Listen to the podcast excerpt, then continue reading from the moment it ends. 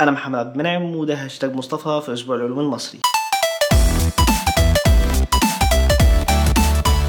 هي السلام عليكم ازيكم عاملين إيه تمام الحمد لله رب دايما تعرف في ناس كده مش عارفاني بس لو من ال 17 واحد فاكتوا على الحلقات اللي فاتت يبقى الحمد لله تعرفوا ناس من حياتي كويس جدا لكن أنتوا موجودوا دي ربنا يستر أيام الجاهليه كان في نظام اسمه نظام العبوديه كانوا بيدوروا على الناس اللي عندهم عضلات وفي نفس الوقت يكونوا فقراء بحيث ان هم يشتغلوا عند الناس اللي عندهم فلوس وكان كل الموضوع فيه تعذيب وضرب وانخفاض كبير جدا في حاجة اسمها انسانيه في التعامل مع الناس دي مرت السنين واحدة بواحده كده نظام العبوديه في أيام الجاهليه اختفى تماما وما بقاش فيه حاجة اسمها نظام العبودية. لكن نظام العبودية ده رجع اتكرر مرة تانية في الأوقات اللي كان بيتم اكتشاف فيها قارة أمريكا الشمالية وأمريكا الجنوبية عن طريق إن هم يسافروا لأفريقيا ويجيبوا من هناك العبيد علشان يشتغلوا في الحفر وفي بناء القارتين. وده مع الوقت كون عداوة وعنصرية ما بين أصحاب البشرة البيضاء وأصحاب البشرة السمراء في أمريكا الشمالية والجنوبية. لأن أصحاب البشرة البيضاء كانوا مقتنعين إن هم أصحاب القارتين دول أما أصحاب البشرة السوداء هم جايين بس علشان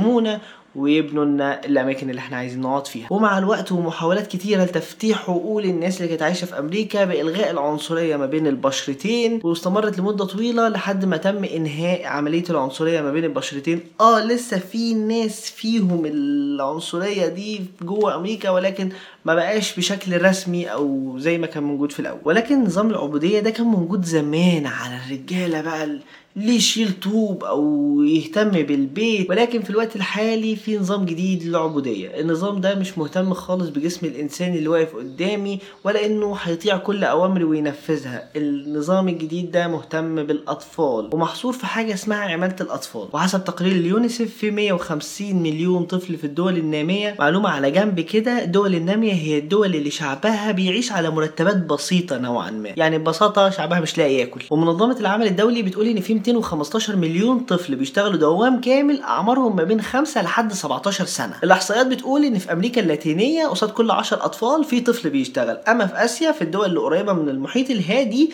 كل 8 أطفال في طفل بيشتغل.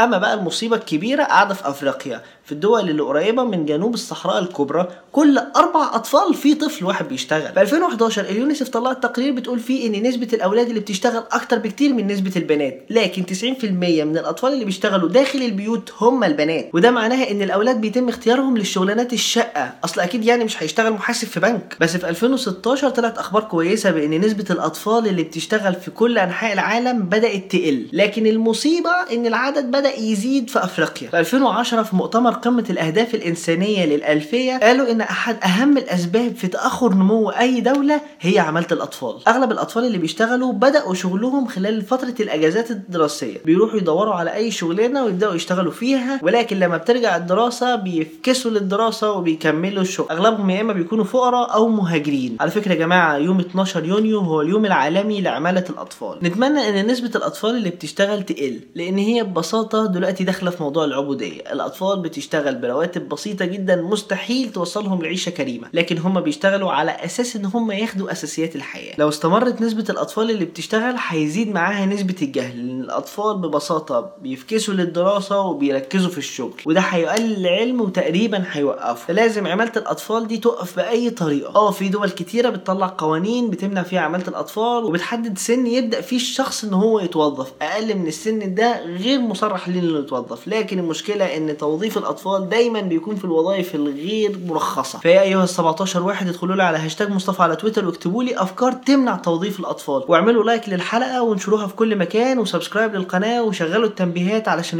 يوصلك خبر كل ما انزل حلقة. وما تنسوش تعملوا like لصفحة أسبوع العلوم المصري. كان معاكم محمد عبد المنعم من هاشتاج مصطفى في أسبوع العلوم المصري. سلام. أسبوع العلوم المصري مصر بتتكلم علم.